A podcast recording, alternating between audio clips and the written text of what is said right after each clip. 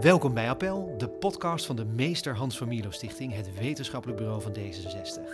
Waarin wij de verdieping opzoeken bij actuele politieke onderwerpen, altijd geïnspireerd door het sociaal-liberale gedachtegoed.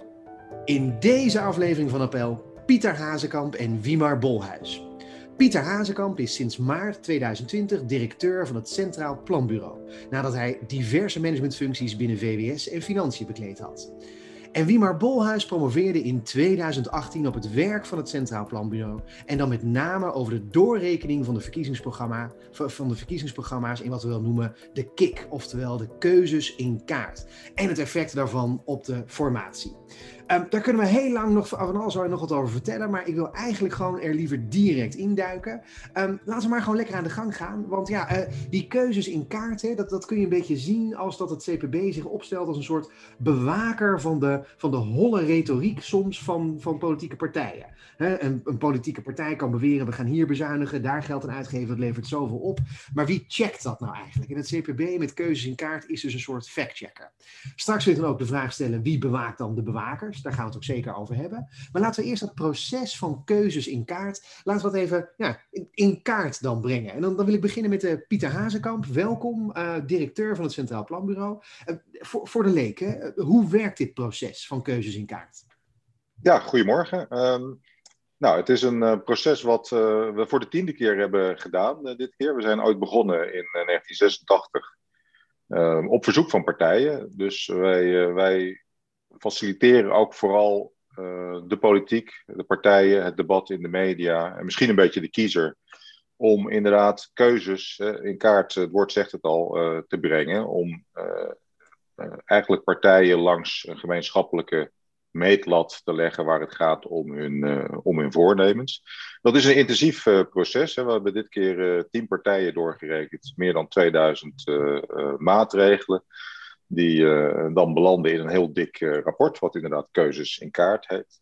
Uh, en dat proces heeft ook een lange doorlooptijd. Hè. Het begint eigenlijk al na de, de, vorige exercitie, dus na de vorige verkiezingen. Dan kijken we terug en kijken we wat we kunnen leren, hè, wat we eventueel willen veranderen. Dan komt er een, een nieuwe middellange termijnverkenning. en dan beginnen de gesprekken met partijen. En de laatste drie maanden zitten we echt in een heel strak geprotocoleerd proces, waarin dingen heen en weer gaan. Uh, Partijen voorstellen kunnen doen en wij doorrekenen. Ja, ik wil straks uitgebreid nog dat proces wil ik, uh, in de vingers krijgen. Maar eerst uh, Wimar. Jij bent gepromoveerd dus op, dat, op het werk van het CPB eigenlijk. Hoe ze dat precies aanpakken. Um, en, je hebt ook bekeken wat het effect is op bijvoorbeeld de formatie. Dus wat de rol daar precies is. Wimar, kun je daar kort iets over vertellen? Nou, het is, het bijzonder dat in Nederland dit gebeurt. Zo'n doorrekening van verkiezingsprogramma's in het buitenland hebben we dat niet. Een van de dingen die ik zelf heel opvallend vond bij het onderzoek is dat je bijvoorbeeld ziet, als ik wel te verwachten, dat sinds de doorrekeningen er zijn, dus dat eigenlijk voorwerk wordt gedaan voor de formatie, namelijk de financiële economische effecten van de verkiezingsprogramma's, wordt in kaart gebracht. Uh, er is al het gesteggel over de cijfers, zeg maar, ook al geweest. Um, en je ziet inderdaad het effect dat uh, de formatieperiode sinds de doorrekening er is, dus sinds 1986, dat natuurlijk inderdaad echt wat korter zijn geworden. Dus het is leidt ook tot een iets doelmatigere, maar zeggen, formatie. Uh, er, is, er is echt voorwerk gedaan, de onderhandelingskosten nemen af, zeg maar, voor de politiek. Ja. Uh, volgens mij zie je vervolgens wel dat er, er ambtelijk het wat zwaarder is, de formatie. Omdat ook het GERK ook nog worden doorgerekend dergelijke. Maar qua politieke tijd neemt het af. En wat je heel duidelijk ziet, is dat eigenlijk waarschijnlijk ook zo is dat politieke partijen makkelijker kunnen kiezen met wie ze onder willen onderhandelen. Want alle keuzes zijn immers al in kaart gebracht. Hè? Dus je weet met wie je wel of niet uh, een deal kan maken. Um, en je ziet eigenlijk dat de, de, partijen die, die echt willen regeren, dat die meedoen met de doorrekening. Dus uh, je ziet in de geschiedenis dat uh, er eigenlijk maar één partij zonder doorrekening heeft, met de formatie heeft meegedaan sinds 1986. Dat is de LPF. Alle andere partijen hadden een, een, een doorrekening. Ja, ja. Hey, en de, heel veel interessante dingen die daarin. Hè, dat het speelt dus een belangrijke rol in zowel het formatieproces als het verkiezingsproces. Um, neem me nog even mee, Wiemar en misschien ook Pieter, naar dat moment 86. Het waren drie partijen die zeiden, we, laten onze verkiezingsprogramma's doorrekenen. Waarom? Hoe ging dat? Wat was hun reden om dit te willen? Wiemar. Uh, nou, de eerste reden is uh, dat je gewoon net uit een economische crisis kwam. Uh, de jaren 80 crisis, dat dan een beetje in de, in de naweeën zat. En dat partijen met elkaar in discussie waren. Ja, gaat mijn programma echt leiden tot een herstel? Ehm, en er was gewoon discussie over. en er was al vaker zo geweest dat het CPB alternatieve begrotingen had doorgerekend. Uh, was vooral toen uh, PvdA alternatieve begrotingen ten opzichte van de kabinetten Lubbers, CDA en VVD. CPB had daar een belangrijke rol. Iedereen was daar wel tevreden over. en toen is de stap gemaakt. We gaan verkiezingsprogramma's ook laten doorrekenen. het was natuurlijk ook wel de tijd met meer wat rationaliseren of economiseren van, van beleid in die tijd. dus dat heeft, heeft zeker een rol gespeeld in die, in die periode. Ja, nou, het, het, is dus eigenlijk een recente traditie. Hè? 86 is niet zo heel, heel lang geleden. Het is ook wel weer aardig lang geleden, maar het is niet zo heel, heel lang geleden. Uh, uh, Pieter, ben je trots op uh, hoe het CPB eigenlijk een rol speelt in Nederland? Want ja, de, zoals wie maar net al aangaf, in andere landen kennen ze dit niet. En in andere landen kijken beleidseconomen ook met ja, enige jaloezie toch wel naar dat het CPB zo'n zo'n grote rol speelt in het politieke proces. Ja, nou, ik ben sowieso heel erg trots op de rol van het CPB. Niet alleen als het gaat om die doorrekening van verkiezingsprogramma's, maar sowieso op de rol die wij spelen. Ja, eigenlijk in het beleidsdebat en, uh, en het begrotingsproces. Hè. Dus wij leveren economische inzichten voor beleid. Hè. Dat is onze missie en dat doen we eigenlijk al uh, ja, sinds Timbergen, sinds we kort na de Tweede Wereldoorlog zijn opgericht. We, bestaan, bestonden vorig jaar 75 jaar. en dat is inderdaad vrij uniek in de wereld. Er wordt natuurlijk wel eens tegen onze naam, Centraal Planbureau, uh, als je dat aan buitenlanders uh, uh, noemt, dan wordt er wel eens gefronst van, goh, die tijd ligt, toch, ligt toch achter ons. Maar goed, de naam is... plannen, ja, precies. Ja, ja precies, precies. Hè. Dus, Maar ook, ook in die beginperiode is eigenlijk al vrij snel geconcludeerd, ja, ehm, het is niet het bureau wat zelf de plannen maakt, zelf een agenda neerlegt, maar wel de politiek, beleidsmakers helpt eh, om die plannen te onderbouwen. En dat is nog steeds onze rol. En, en deze, ja, deze doorrekeningen passen daarin. Ja, ja. Hey, en um, je, je schetste net al een beetje het proces. Hè? Je hebt dus uh, de meerjarenramingen. Uh, je begint eigenlijk al met de evaluatie na de verkiezingen, met de evaluatie van de afgelopen keuzes in kaart. En dan vanaf daar ga je weer een heel nieuw proces in. wat gebeurt er voorafgaand aan de verkiezingsdatum? Laten we zeggen, tot ongeveer een half jaar van tevoren. Hoe ziet het proces eruit? Want je betrekt dus die politieke partijen. Die hebben dan vaak een woordvoerder naar jullie toe, die leggen data. Hoe steekt dit in elkaar? Ja, nou ja, misschien is het aardig moment om te beginnen. Het moment dat ik uh, binnenkwam. Dus ik ben een jaar geleden begonnen bij het CPB. Toen lag er een, een middellange termijn verkenning. Uh, dat, dat heet dan voor die doorrekening ook wel het basispad. Dus dat is uh, eigenlijk wat er zou gebeuren bij, uh, bij ongewijzigd beleid. Hè. Dus uh, er kan wel iets veranderen ten opzichte van de huidige situatie. Maar dat is dan allemaal al beleid wat al is, is geformuleerd door het huidige kabinet of door het kabinet in het verleden en in gang is gezet.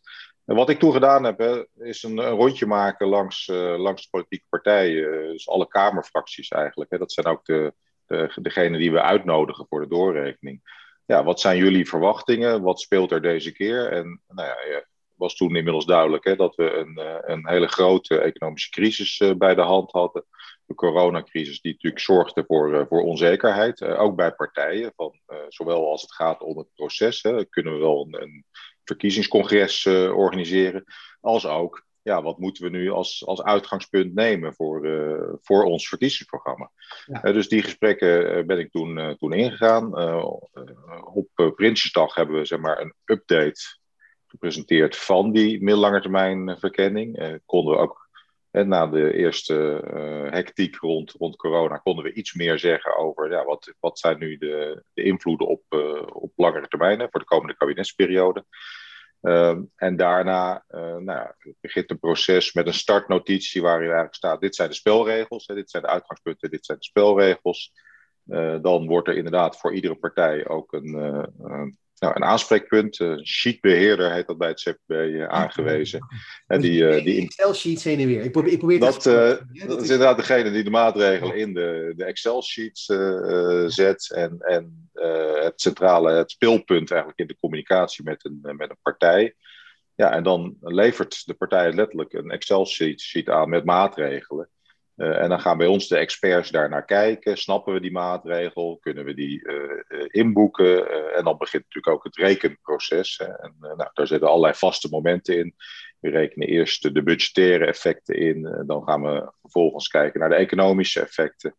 En dat heeft dan bij elkaar zo'n een, doorlooptijd, uh, 1 november, 1 maart. Hè, dus nou, een intensieve periode. Ja, ik, ik wil straks hebben over ook uh, de modellen die je gebruikt en, en wat voor waarde we daar aan moeten geven. Maar um, het, het, proces wat je hier schetst, hè, dat is eh, dus heel duidelijk. Hè? Een partij stuurt als het ware een, ja, een, een sheetbeheerder, zoals je dat dan zo mooi noemt. Dat, uh, ja, een soort onderhandelaar een soort communicatiepunt is dat. vraag aan Wiemar. Um, levert het dan niet een prikkel op voor politieke partijen om dat spel een beetje strategisch te spelen? Om bijvoorbeeld bewust een bepaalde maatregel op een bepaalde manier te framen naar het CPB toe, of juist er dingen uit te laten of anders te worden, ook misschien naar de eigen achterban toe.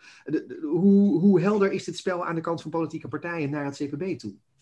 In die zin is het heel helder, want er is een startnotitie waarin staat wat er wel of niet mag. Er zijn modellen waarvan er dan, wat ze dan noemen, zeg maar spoorboekjes zijn. Dus partijen kunnen zien als we bepaalde maatregelen voorstellen, van een uitgavenverhoging of een verlaging van de belastingen, wat doet dat qua economische effecten bijvoorbeeld? Er zijn allerlei meer ambtelijke menukaarten, wat CPB ook aangeeft. Um, dit zijn maatregelen die je kan nemen, dit zijn dan de budgettaire effecten. Dus er zit wel een, duidelijke uh, inkadering. Je kan niet, uh, je kan niet zomaar gaan lopen gamen, wat vaak wordt genoemd. Dat, dat is niet ja. mogelijk. Wat natuurlijk wel mogelijk is, en misschien zelfs slim, is namelijk dat je bepaalt, ik wil bepaalde beleidsdoelen behalen als politieke partij. Bepaalde beleidsdoelen die voor jou belangrijk zijn. Je kan je voorstellen dat partijen sommige partijen meer zitten op. Ja, nu valt uh, wie maar even weg. Kijken of hij zo weer terug. Maatregelen kiezen die daar goed op scoren. Uh, dat natuurlijk, gebeurt natuurlijk wel. De, een soort, een soort uh, shopping uit maatregelen is dat. Ja, je, je, viel even weg, dus ik uh, vul even aan wat je zei. Maar je zei dus partijen kunnen een beetje shoppen in de maatregelen die ze aanleveren. Is dat hoe je dat zei?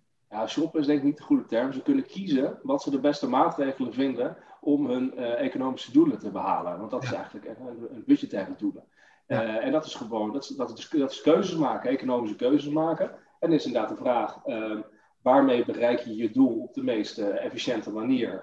en met het behalen van dat doel, wat zijn dan de, de uitruiming die je hebt, de afruiming? Er zit ook negatief effect aan. Ja. Nou, daar moet je een keuze in maken. Dus misschien nog wel even terug te komen op je vorige vraag.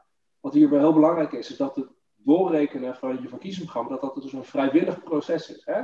Dus ja. net, van, er wordt een evaluatie gedaan van elke keuze in kaart, er wordt gesproken met politieke partijen. Ja, uh, dus er is ook een bepaalde wel responsiviteit natuurlijk van het CPB richting partijen. Van hey, zo'n doorrekening, waar moet het aan voldoen? Waar mag dat niet aan voldoen? Uh, hoe willen jullie meedoen? Hoe kunnen jullie het beste helpen in het verkiezingsprogramma? Dat is wel een heel groot verschil met, uh, met andere landen. en wat misschien ook wel goed om te zeggen, is dat, uh, dat het CPP qua modellen en rekenwerk gewoon echt heel veel meer kan dan, uh, laten we zeggen, de planbureaus uit het buitenland. Dus een goed voorbeeld, even twee voorbeelden om het verschil aan te geven. Je hebt in uh, België heb je nu het federaal bureau, dat is, dat is een federaal planbureau, zeg maar het Belgische planbureau. In België is er een wet aangenomen, de politieke partijen de drie belangrijkste onderwerpen moeten aandragen bij het zeg maar, Belgische CPB om door te laten rekenen voor, dat, voor de verkiezingscampagne. Dus gewoon wettelijk verplicht. Ja. Dat betekent dus, dat is al een groot verschil. Daar is dus wettelijk dat hier vrijwillig is. Maar het is ook dus maar een selectie van maatregelen in België. En het is alleen maar wat budgetair doorgerekend en uh, zeg maar beperkt economisch. De echt lange termijn effecten die het CPB uh, eh, berekent, de inkomensverdeling en de structurele groei en de schuld, dat, dat doen zij daar bijvoorbeeld niet. Dus CPB is wel echt uh, behoorlijk stukken verder daar. Ja. Ja, ja. Eh, Pieter, dus uh, dat is heel uniek. En het, het, het, hart van het unieke is de methode dat het vrijwillig is. Dus politieke partijen kunnen zelf kiezen of ze daar meedoen of niet. Um, nou is het natuurlijk ook wel zo geweest dat, dat soms daar partijen toch wel een beetje af en toe wat gek in doen. De PVV bijvoorbeeld, hè, die had in haar verkiezingsprogramma opgenomen dat ze uit de euro wilden stappen, maar wilde die beleidsmaatregel dan niet voorleggen voor jullie ter berekening. Dat bleek achteraf pas. Pieter, reactie? Ja, kijk, wij doen zelf niet de check. Um, wat partijen bij ons aandragen, staat dat ook in de verkiezingsprogramma's. En dat kunnen we eigenlijk ook niet. Uh, en ja, omdat je verkiezingsprogramma's zijn naar hun aard ja, vaak wel uitgebreid, maar niet heel gedetailleerd in uh, precisie van. Ja, en we moeten uiteindelijk afgaan op de partij zelf die zegt, ja, dit is wat wij bedoelden met, met deze passage. Hè. Zo vullen we hem in. Er was natuurlijk dit keer ook wat discussie over uh, ja, partijen die zeiden wij volgen het advies van de commissie Borstlab. Nou, daar staat heel veel in. ja, dan kunnen partijen uiteindelijk zelf kiezen welke maatregelen ze daaraan verbinden. we maken dat altijd wel heel erg expliciet. Hè? Dus we hebben een hele uitgebreide lijst. Dat is een belangrijk deel van die 350 pagina's. Waarin gewoon al die maatregelen precies staan opgesomd. Uh, ja, en dan is het aan uh, de media, maar ook aan de interne partijdemocratie, denk ik, om te zeggen: ja, klopt dat nou met wat partijen eerder hebben beweerd? Uh, en daarna, maar daar weet Wiemar veel meer van dan ik, ja, krijg je natuurlijk ook in de formatie uiteindelijk confrontatie met: ja, je hebt dit aangeleverd bij het CPB, maar bedoelde je dat ook echt zo? Dus, dus er zitten wel checks op om te kijken. dat partijen niet zomaar iets aanleveren. ze worden wel geconfronteerd met de resultaten daarvan. Ja. Maar, maar je geeft eigenlijk aan, dat is niet de rol van het CPB om die controle nog te vormen. Het is echt dan ook het politieke debat die dan moet zeggen, hey, jullie hebben dit niet aangeleverd. En als je, uh, put your money where your mouth is, als je dit wil, dan, dan moet je dat ook maar gewoon doen. Dat is, uh, dat is eigenlijk ja. ook niet meer aangegeven. Ja. Uh, Wiemar, uh, ja, werd net ook al gezegd, hè, uh, ook die doorrekeningen van het CPB spelen ook een grote rol bij de formatie. Nou nemen we dit op kort na de verkiezingen, dus de formatie is in, in, het begin. wat voor effect hebben die doorrekeningen precies op de formatie? En ehm, kan je misschien ook een beetje aangeven wat je dan nu verwacht voor de huidige formatie, Wiemar? Nou, je ziet dat uit onderzoek blijkt gewoon dat ongeveer 70, 80 procent van wat er in de in keuze in kaart stond, dat dat ook zeg maar uh, in de, of sorry, ja, dat, ja, dat het ook in de geerkort terechtkomt, dat maar zo gewoon zeggen. Uh, dus het is een hele belangrijke voorbereidende doorrekening, keuzes in kaart voor de, voor de formatie. Ja, en ik, ik, ga je gelijk onderbreken, want ik ben heel nieuwsgierig. Je zegt 70% wat, wat in keuze, keuzes in kaart staat, of in de KIK staat. Dat komt dus ook in de formatie terecht. Maar, maar van wie dan? Want KIK is dus een document waarin heel veel partijen worden doorgenomen. Stel je, nou ja, laten we even fictief doen, hè? gewoon even een scenario bespreken. Ehm, oké, we weten nu VVD, D66, die gaan waarschijnlijk wel met elkaar in zee. We weten niet precies met wie, maar wordt er dan gemiddeld bijvoorbeeld tussen, tussen die maatregelen? Dus als het bijvoorbeeld gaat over hoger salaris voor onderwijspersoneel. Ik, verzin maar even wat. Hè. Wordt er dan uh, gezegd van, nou, we, ik heb in het CPB-programma, zegt de VVD, zoveel procent staan. En D66 zegt, nou, ik heb twee keer zoveel staan. Gaan ze dan gewoon middelen tussen die maatregelen? Of, of is het, jij krijgt die maatregel uit het CPB, uh, eh, de doorrekening, en ik krijg die maatregel? Uh, zo simpel is het volgens mij niet. Uh, dat kan je ook niet in die zin uh, terugrekenen nee. in onderzoek over de afgelopen 35 jaar. Ja. Maar je ziet dus wel in het algemeen dat zij zeg maar 70%, ik moet even netto, netto zeggen, 70% wat in het regeerakkoord staat. Het regeerakkoord wordt ook weer doorgerekend door het Centraal Planbureau. Ja. Dus 70 tot 80% wat daarin staat, heeft ook in keuzes in kaart gestaan. En dan bij, ofwel, dat is het grootste gedeelte, bij de coalitiepartijen die dus onderhandelen over het regeerakkoord. Maar zelfs ook nog een klein gedeelte van de maatregelen komt bij partijen vandaan die niet in de regering zitten. Dus er wordt ook echt gekeken naar wat hebben andere partijen slim gedaan qua, qua maatregelen. Hoe kunnen we die in het uh, regeerakkoord uh, gebruiken. Ja. Heb je daar een voorbeeld van? Dit vind ik raast interessant. Dat die andere partijen, de formerende partijen, de aanstaande coalitiepartners, die zeggen dus: hé, hey, maar dat heeft die oppositiepartner best slim gedaan. Of oppositievijand eigenlijk heeft het best slim gedaan. Dat gaan we gewoon overnemen. Wie maar, heb je daar een voorbeeld van? Nee, eigenlijk niet. Zo heet het drie. Uh, ik weet alleen de algemene, de algemene cijfers, maar zo specifiek uh, weet ik het niet. Uh, Pieter... wat, wat toch nog wel een hele belangrijke is, uh, misschien goed om te zeggen, is dat uh, kijk, volgende week komt, uh, Pieter zei het ook, komt het Centraal Planbureau weer met een update van de middellange termijn verkenning. Dus wat doet de economie en de overheidsfinanciën de komende vijf jaar, komende kabinetsperiode. Je ziet wel in onderzoek dat politieke partijen daar behoorlijk duidelijk op reageren aan die onderhandelingstafel. Uh, tenminste, in het verleden was dat zo. De vraag is ook wat de voorspellende waarde is voor de komende kabinetsformatie. Maar je ziet in ieder geval dat op het moment dat de overheidsfinanciën er positiever voor lijken te staan dus vooral het tekort van de overheid in het laatste jaar van de komende kabinetsperiode, als dat tekort beter voor lijkt te staan in die raming dan in de vorige middellange termijn verkenning, dan zie je dat politieke partijen toch wat soepeler worden, meer geld gaan uitgeven, meer lastenverlichting doen. En als het er wat slechter uit komt te zien, dat ze dan wat stringenter worden ten opzichte van hun uh, eigen verkiezingsprogramma. Dat is, dus dat basispad is wel heel belangrijk. Eh, ja, oké. Dus dat is, uh, ja. Pieter, is dat basispad dan eigenlijk misschien niet te belangrijk geworden? Uh, zou je eigenlijk niet liever gewoon als CPB jezelf willen beperken en zeggen van we gaan alleen maar uitrekenen, ingaven, uitgaven en dat is het. In plaats van ook nog eens de, de lange termijn effecten tot en met 2060 zelfs enigszins speculatief doorrekenen, Pieter? Ja, dat basispad loopt natuurlijk eigenlijk alleen maar uh, voor de komende kabinetsperiode. Dan hebben we echt gedetailleerd in beeld hoe ontwikkelen de budgettaire en de economische variabelen zich voor de komende vier, vijf jaar. daarna hebben we nog wel een aantal indicatoren, maar er is niet een precies pad tot, tot 2060 en dat zou ook vrij onzinnig zijn.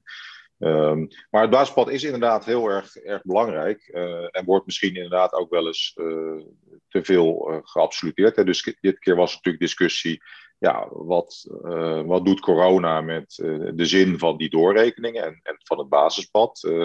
is alles niet zo onzeker dat je eigenlijk überhaupt geen houvast hebt?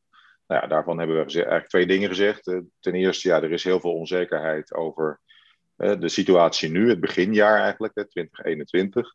Um, maar op de middellange termijn is die onzekerheid niet per se heel veel groter dan normaal. Er is altijd onzekerheid over hoe het over vijf jaar voor staat. En uh, nou, dat is nu ook zo. Maar normaal gesproken weet je dat een economie zich ook weer enigszins herstelt. En dat, uh, dat de werkloosheid zich weer naar een evenwichtsniveau beweegt enzovoort. dus dat is één. Het tweede is misschien nog wel belangrijker. Uiteindelijk ja, dient die doorrekening natuurlijk toch ook vooral om een gemeenschappelijke meetlat eh, te hebben. En, en waar langs je partijen naast eh, legt. Uh, en gaat het dus vooral ook om de, nou, de, verschillen in de keuzes die ze maken. En die te voorzien van uh, nou, een doorrekening, hè, zowel budgetair als, uh, als economisch. Ik denk dat dat uiteindelijk de belangrijkste rol is van keuzes in kaart. Ik las verschillende commentatoren die eigenlijk zeiden, in de verschillende kranten ook, NRC, Volkskrant onder andere, die zeiden eigenlijk moet je als kiezer niet zozeer kijken naar wat, wat jullie specifiek voorspellen als effecten, maar meer inderdaad naar de verschillen. Dus ga niet één partij dat is goed, dat is niet goed en dan, daar moet je niet je keuze op baseren. Je moet vooral kijken naar die verschillen, want die verschillen zeggen gewoon echt wat over wat de keuzes in het nu zijn. En die toekomstvoorspelling voor over vijf jaar, dat, dan moet je met een korreltje zout moet je nemen, Pieter. Ja, absoluut. En, en misschien uh, één ding wat ik nog, nog vergat. Eh, een hele belangrijke toegevoegde waarde van keuzes in kaart is toch ook dat het partijen gewoon dwingt om keuzes concreet te maken. Dus uh, je zou eigenlijk hopen dat verkiezingsprogramma's al uh, nou, vrij precies zijn over wat partijen nu, nu bedoelen en ook een financiële paragraaf bevatten. Ja, dat was dit keer eigenlijk niet of nauwelijks het geval.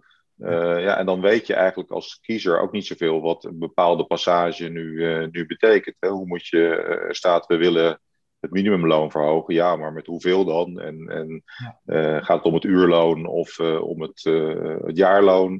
dus er zijn allerlei keuzes daarbinnen nog te maken. Die partijen over het algemeen niet zelf opschrijven in een verkiezingsprogramma. Maar die natuurlijk uiteindelijk wel belangrijk zijn als, je, als je wil kiezen, maar ook als je na de verkiezingen wil onderhandelen. Ja, ja een hele goede aanvulling nog daarop is dat de eerste doorrekening in 1986 en 1989 daar waren de doorrekeningen werden gedaan echt met een verkiezingsprogramma in de hand, zeg maar. Er werden de, de doorgegeven verkiezingsprogramma's, dus CPB-cijfers, werden echt de bijlagen van het verkiezingsprogramma zelf, waar de congressen akkoord tegen geven. Dat proces is in het loop van de tijd wat veranderd. Dat eerst dus een verkiezingsprogramma werd vastgesteld.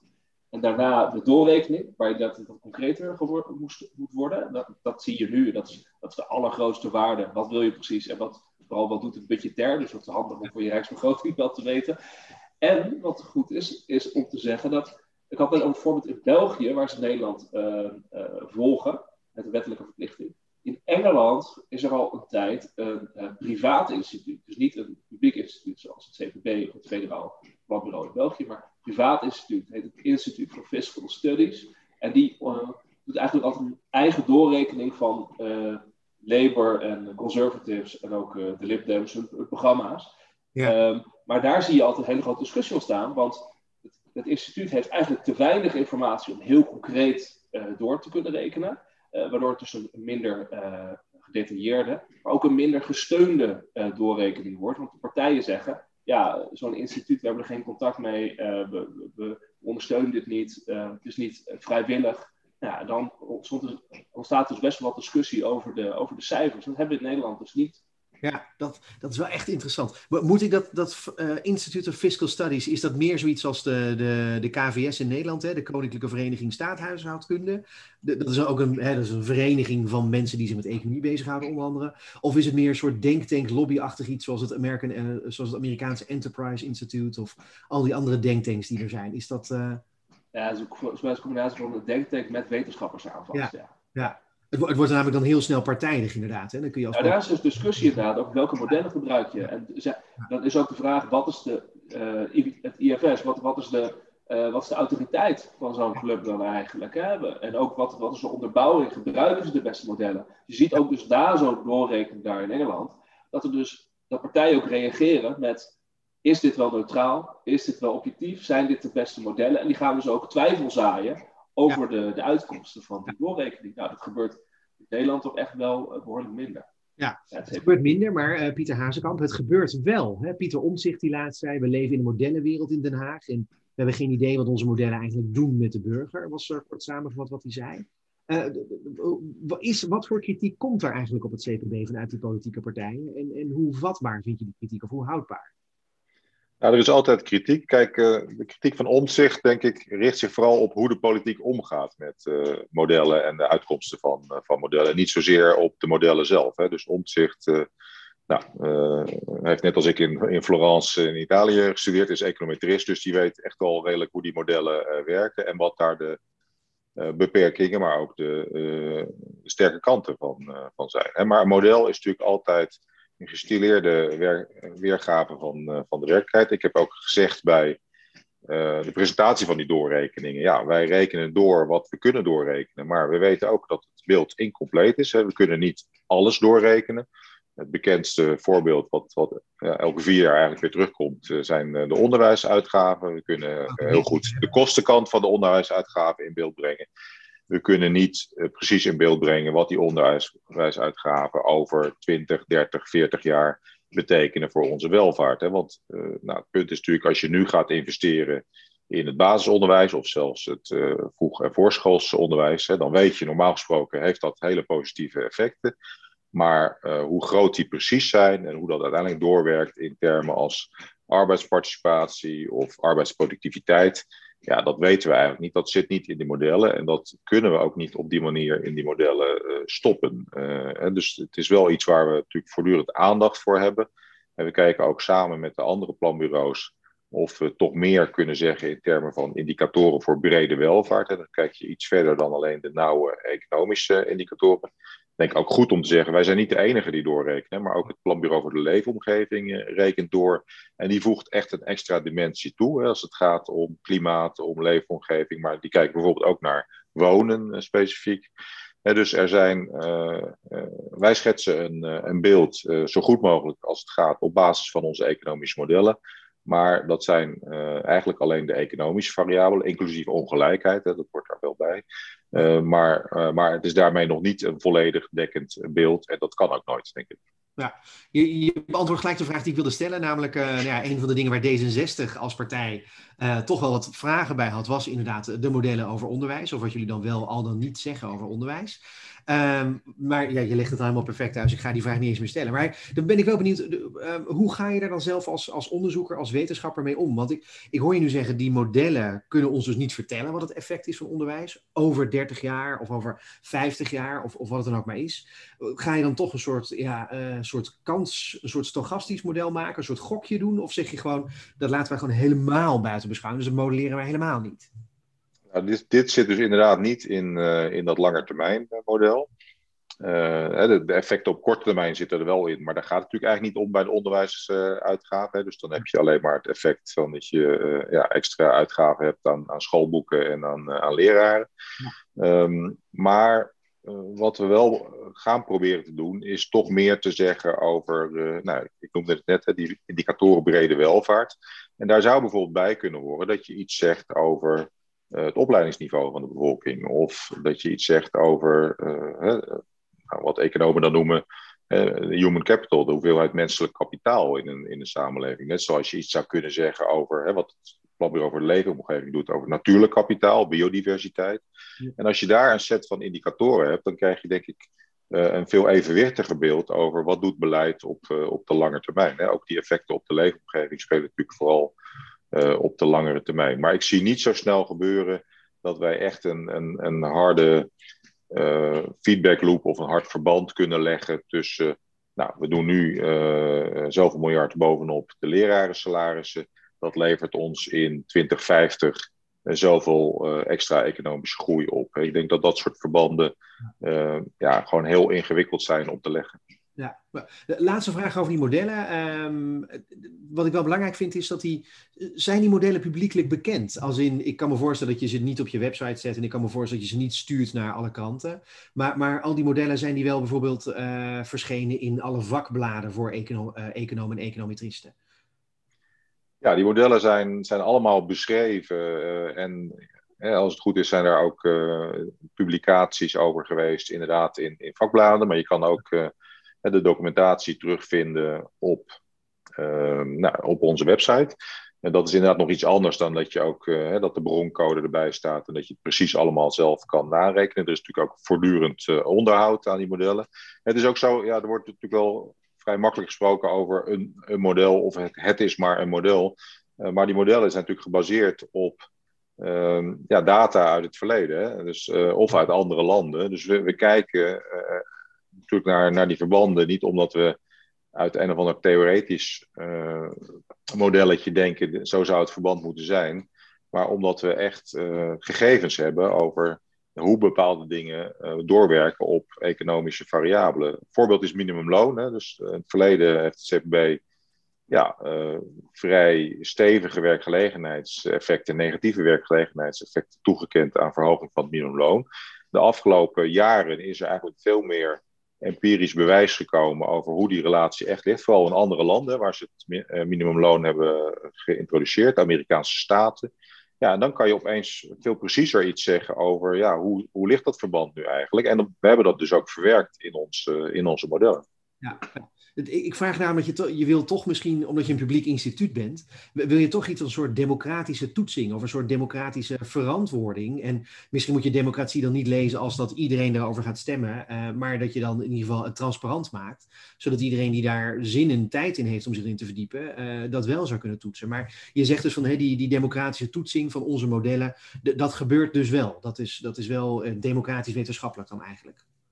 Ja, uiteindelijk uh, is natuurlijk de, ja, moeten wij in eerste instantie denk ik verantwoording afleggen aan de, de wetenschappelijke gemeenschap. Dus dat gebeurt inderdaad nou ja, via publicaties in de wetenschappelijke literatuur. Maar natuurlijk ook, we worden elke vijf jaar geëvalueerd uh, op, op wetenschappelijke kwaliteit.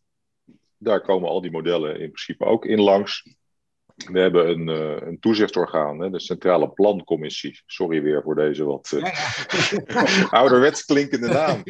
Maar die, uh, die houdt eigenlijk toezicht zowel op onze onafhankelijkheid als op de kwaliteit van ons werk. En die staat daar in zekere zin ook borg voor, ook als een soort buffer richting eventueel ongewenste politieke inmenging. Hè. Dus die ik zelf absoluut niet heb, heb ervaren in het jaar dat ik er zit. En ja. CPB heeft denk ik een een zeer sterke reputatie als het gaat om, uh, om onafhankelijkheid.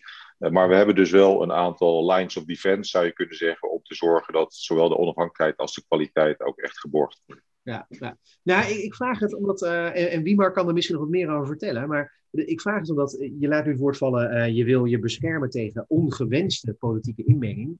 Maar ja, vanuit democratisch perspectief heb je misschien ook wel een soort gewenste politieke inmenging. Als in publieke controle, transparantie en het feit dat we, dat, dat we met z'n allen het ook legitiem vinden wat het CPB doet. Uh, hoe, hoe, zie jij dat? Ja, maar dat is natuurlijk waar. Dat is natuurlijk waar. Dat, dat doet het CPB ook. Vertelt Pieter dat heel netjes net, dat, dat er inderdaad bij elke keuze een kaartpublicatie zit een enorme verantwoordingslijst met dit zijn de modellen, hier kan je ze terugvinden. Uh, ook de introductie van Pieter dit jaar was weer van ja, uh, op onderwijs, daar kunnen we het lange termijn rendement helaas niet in de modellen uh, laten zien. Um, en daarnaast heb je inderdaad visitatiecommissies, wetenschappelijke controles, een, een, hele lijst met zeer goede hoogleraren verbonden aan het CPB om de wetenschappelijke kwaliteit in, in de gaten te houden. Dus je zei net, er moet een democratische verantwoording zijn. Ik denk dat er vooral wetenschappelijke verantwoording moet zijn van het CPB. En die lijkt me redelijk goed op orde. Uh, dus ik, ik, ik ben daar niet zo, ja, ik ben daar wel positief over eigenlijk. En toch, kijk, het, het, toch even over die modellen nog een keer. Een model bouwen, zorgen dat, die, dat het betrouwbaar is, dat alle data die eronder ligt, dat het, dat het klopt en dat de onderlinge relaties goed geschat zijn. Dat doe je niet even zomaar. Dus het is heel makkelijk om daar kritiek op te hebben. Maar daadwerkelijk maken en ermee aan de slag gaan, dat, is, dat kost gewoon jaren. Dat is misschien ja. wel even goed om te herhalen. En daarnaast is de een oplossing op het moment dat een model niet de uitkomsten kan laten zien die je wel met z'n allen had, had gewild of had willen, willen zien, is inderdaad een mogelijkheid om dan afruilen te laten zien. Van oké, okay, komt niet uit het model, maar we weten wel dat nou ja, bijvoorbeeld inderdaad human capital bij de onderwijsinvesteringen. Dat zien we dan wel dat daar een plusje komt. Of dat er ergens een, minnetje komt te staan op een andere indicator. Want het is wel zo dat als, als modellen uh, alleen maar uh, een plusje laten zien, bijvoorbeeld in werkgelegenheidsscores, maar je ziet geen minnetje in bijvoorbeeld ongelijkheid tussen huishoudens. Dus een heel goed duidelijk voorbeeld afgelopen jaren was dat in de modellen van het CVB, waarschijnlijk ook in de echte wereld, is het zo dat op het moment dat je de, de tweede, de, eigenlijk de, twee verdieners, als je dat gaat stimuleren, dus de minst verdiende partner geef je belastingkortingen, even huiselijk te zeggen. De inkomensafhankelijke combinatiekorting wordt ook al genoemd, de IACK. Dan weet je dat die uh, tweede uh, partner, de tweede persoon in het huishouden, dat die inderdaad gaat werken. Maar ja, wat doet dat? Dat doet wat met de uh, belastingdruk tussen huishoudens met twee verdieners en de huishoudens met één kostwinner. Ehm, ja, als je dat niet terugziet, die, die verschillen in, in belastingdruk tussen die twee huishoudens, en dan, gaan, dan ontstaat er een, wel een prikkel voor partijen om heel erg in te zetten op die inkomensafhankelijke combinatiekorting. En een tijdje komen erachter, oh, die belastingdruk tussen die twee verschillende soorten huishoudens is wel heel, uh, heel groot uh, geworden, het verschil. Dus je, ja, je moet inderdaad wel de, de, de afruil laten zien, plussen en de midden van de keuze. Wat ik wel interessant aan uh, vind en wat je nu zegt ook, is dat het, het lijkt er ook wel op dat uh, politieke partijen. Even, dus even, laten we even die vraag achter ons van, van democratische toetsing van die modellen van, van het CPB en, en hoe dat precies in elkaar zit. Maar hoe politieke partijen en hoe de media misschien ook wel die doorrekeningen gebruiken, eigenlijk in zekere zin. Uh, ze proberen misschien geitenpaadjes te vinden, ergens een soort gouden ei, dat ze toch ergens zo'n gratis geld kunnen krijgen met de doorrekeningen van, oh, die maatregel is niet op deze manier doorgerekend, die maatregel kunnen we misschien op deze manier wel exporteren. Uh, wie maar, hoe, hoe, zie je dat onderling met die, uh, die of Pieter misschien, hoe, hoe, zie je dat met die, die, die gebruik, ben ik wel benieuwd, Pieter, hoe zie je dat zelf? Heb je het gevoel dat ja, de partij het dat, Die kans is natuurlijk altijd aanwezig. En uh, de politieke partijen calculeren soms en, uh, en wij calculeren dan terug. Uh, dus wij leren ook elke keer weer van een doorrekening waar zitten mechanismes die, die dit gevaar in zich dragen. Dus om een voorbeeld te geven, in het verleden was het altijd een makkelijke bezuiniging. Gewoon het inboeken van een, laten we zeggen, een productiviteitskorting op het overheidsapparaat. Hè. Die moeten allemaal maar wat harder gaan werken en dan hetzelfde blijven doen. Uh, en dat, is, uh, nou, dat levert dan geld op. Uh, dat hebben we een tijd lang toegestaan. en op een gegeven moment is gezegd, ja, maar er zit natuurlijk wel een grens aan, want we zien de kwaliteit van die publieke dienstverlening daardoor afnemen. Natuurlijk iets waar op dit moment ook veel meer aandacht voor is. Dus op een gegeven moment heeft het CPB gezegd, nou ja, oké, productiviteitskorting akkoord, maar maximaal uh, 1% uh, per jaar. En inmiddels zijn we nog wat, wat strenger geworden, omdat we gewoon gezien hebben ja, uh, alle partijen namen in het verleden dan vaak die korting standaard op.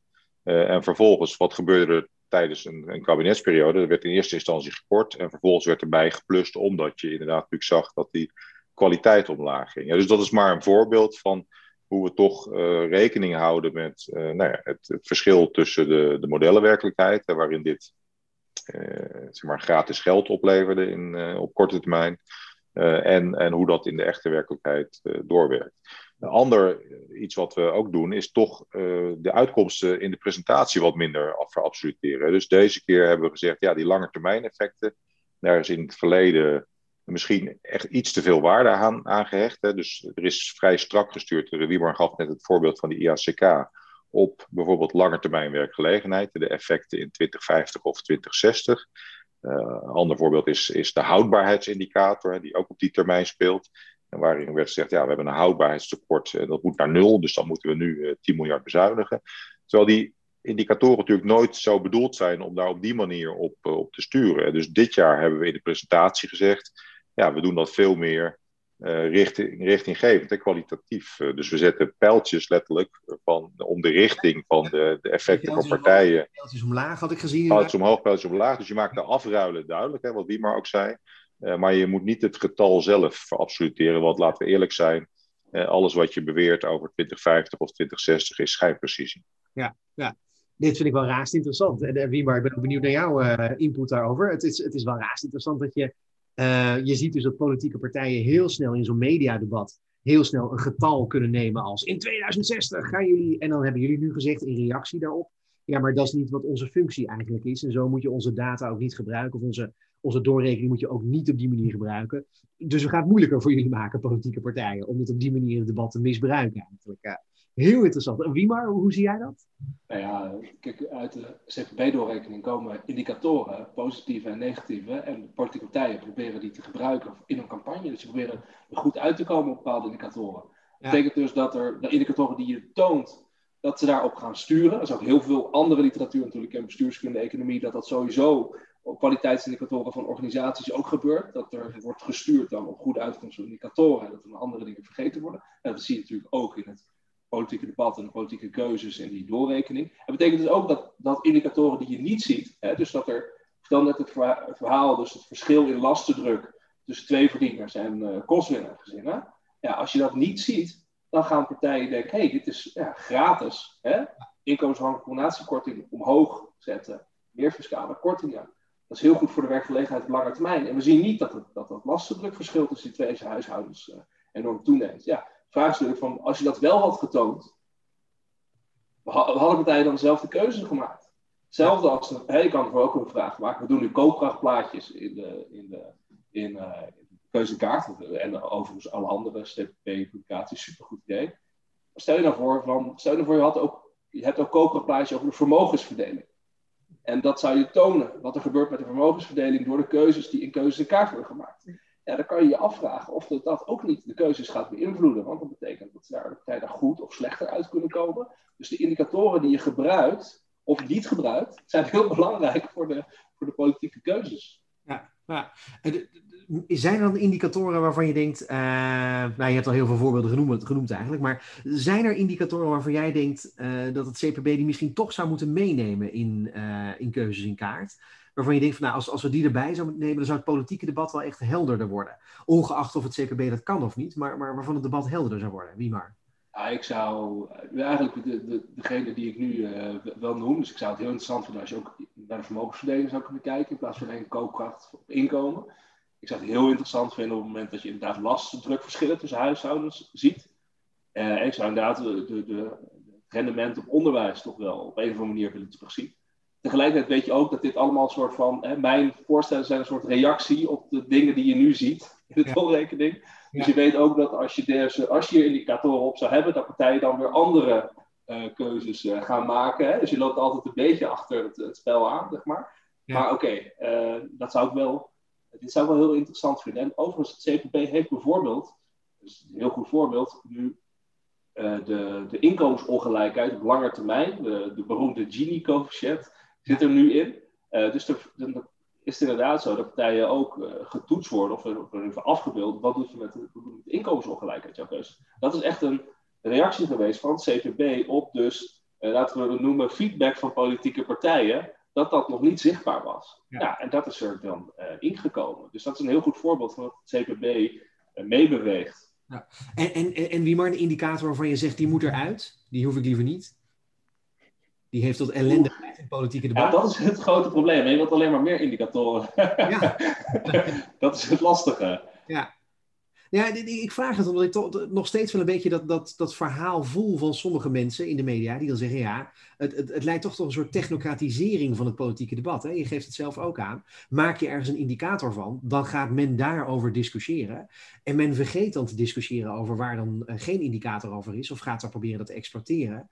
Um, ja, meten is weten, zeggen ze wel eens. Maar ja, het is niet zo dat iets wat je niet meet, dat, je dat, niet ook, dat het ook niet gebeurt of zo.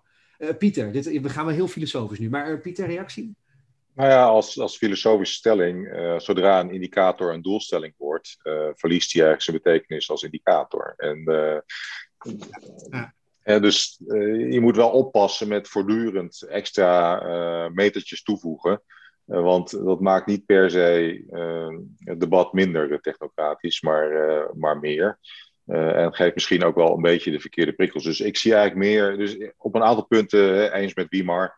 Uh, we willen ook naar die indicatoren brede, welvaart, hè, dus naar een, een, een, breder palet aan indicatoren. En tegelijkertijd moet je voorkomen dat daar dan weer uh, en detail op wordt gestuurd. Hè, want, want ook dan geldt, ja, voor een deel is dat gewoon schijnprecisie. Hè? Dus ik denk dat koopkracht wel een aardig voorbeeld is. In het verleden hadden we voorbeeldhuishoudens. Hè? Dus dat waren eigenlijk, een, nou, eigenlijk een bepaald huishouden waarvan je zei dat dat zit in de koopkrachtplaatjes. Dat was een beperkt aantal huishoudens.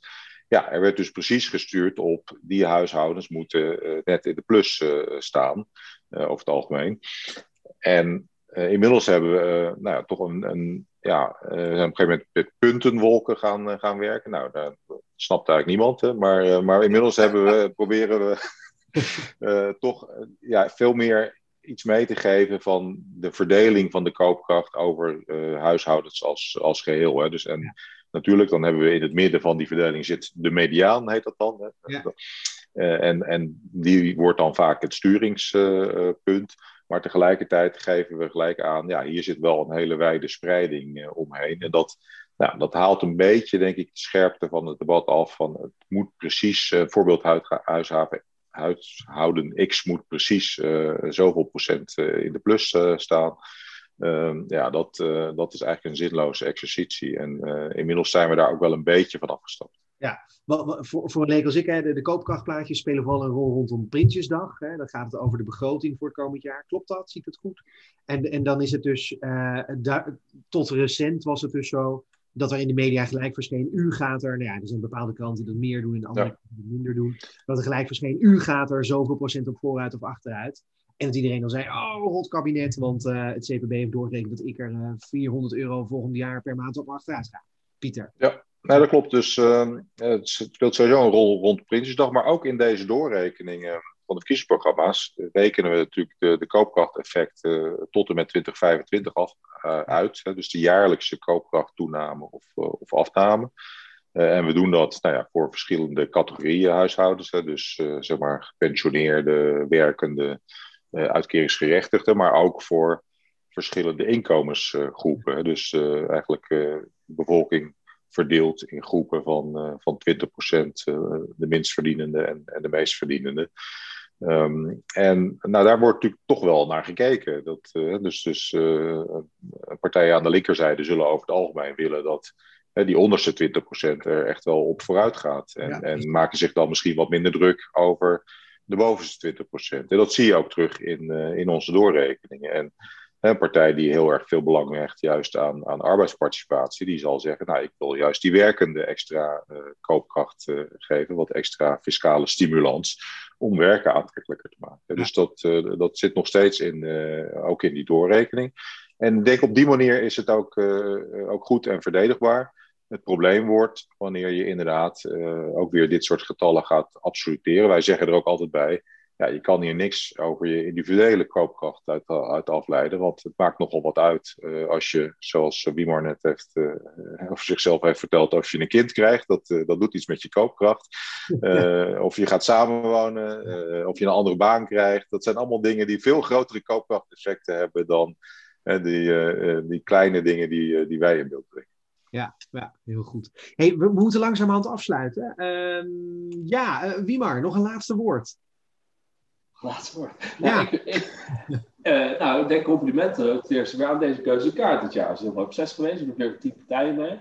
Ik ben heel benieuwd natuurlijk wat er uh, straks gaat gebeuren in de, in, de, in de formatie. Want je ziet toch vaak wel, het blijkt uit een promotieonderzoek, dat er in de formatie toch wel andere keuzes gemaakt worden voor een gedeelte dan in de doorgerekende verkiezingsprogramma's heeft er simpelweg mee te maken dat doorgerekende verkiezingsprogramma's, dat dat is zeg maar de keuze van één partij als die alleen heerser zou zijn, om maar zo te zeggen. Ja. Uh, en dan straks moet er onderhandeld gaan worden.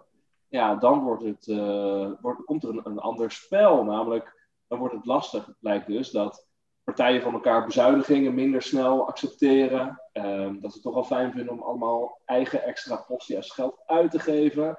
en je ziet dan dat bijvoorbeeld beloofde lastenverlichtingen, heel duidelijk, dat die minder uh, worden toegekend dan dat je in de individuele doorgerekende verkiezingsprogramma's ziet. Dat is een hele bijzondere. Ik ben benieuwd of we dat uh, nu weer gaan zien. En vooral, je ziet in deze doorrekening heel bijzonder dat er heel erg wordt ingezet op hogere belastingen voor bedrijven en hogere belastingen op vermogen en winst. En uit mijn vergelijking van tussen doorrekeningen van 1986 tot 2017 zie je dat dan in regeerakkoorden toch een tikkeltje minder heftiger wordt ingezet dan beloofd in het verkiezingsprogramma. Dus ik ben heel benieuwd of we dat nu weer, uh, weer terug gaan zien. Dat, dat, is een beetje de conclusie uit, uit jouw promotie ook misschien, hè? van woord tot akkoord, dat de soep van uh, bezuinigingen en maatregelen nooit zo heet wordt gegeten als dat die wordt opgediend na de formatie. Is dat een beetje hoe ik het moet samenvatten? Ja, ja zeker. Dat, is, uh, dat klopt. Maar het belangrijkste was eigenlijk dat je dus ziet dat de lastenverlichtingen voor burgers, lastverlichting op arbeid, dat die echt behoorlijk minder is dan dat integreerakkoord dan beloofd in de ah, kijk eens, programma's. Dat is eigenlijk het belangrijkste. En dat heeft gewoon mee te maken dat je aan de uitgavenkant van de begroting toch minder snel tot bezuinigingen komt uh, in zo'n formatie, maar wel tot allerlei extra geld uitgeven. Ja, dan heb je minder ruimte om lastenverlichting te geven. Ja. Ja. De, Pieter, tot slot dan, want jullie zitten nu dus ook aan tafel bij uh, de verkenners, neem ik aan, en bij de partijen die eventueel zouden moeten gaan formeren. Hoe loopt dat nu en wat voorzie jij? Nou, wij zitten niet aan tafel. Uh, zeker niet bij de verkenners. Uh, ik mag straks aan het begin van de formatie iets komen vertellen over uh, de economische en budgettaire situatie van het land. En op een gegeven moment komen natuurlijk ook plannen weer bij ons terecht. sowieso op het moment dat er een, principeakkoord ligt en dat, dat doorgerekend moet worden. Want uiteindelijk ja, vormt dat dan ook de basis voor ja, de meerjarenbegroting van, van een nieuw kabinet. En dan, dan hoort die doorrekening daarbij.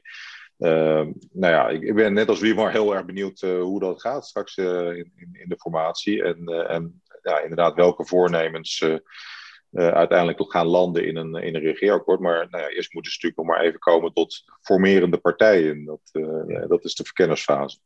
Wanneer worden jullie eigenlijk betrokken überhaupt in dat, dat formeringsproces? Want je zegt dus, de verkenners nemen geen contact met jullie op. Maar is het nadat ze het regeerakkoord in principe helemaal hebben vastgesteld, dat ze dan achteraf naar je toe komen en zeggen: Hier, rekenmeester, reken het even door? Of zijn ze al tijdens de onderhandelingen ook dat ze, ja, ik noemde net dat, dat idee van middelen, dat ze al een beetje gaan zeggen van: Maar als we nou gaan middelen, wat zijn de effecten daarvan?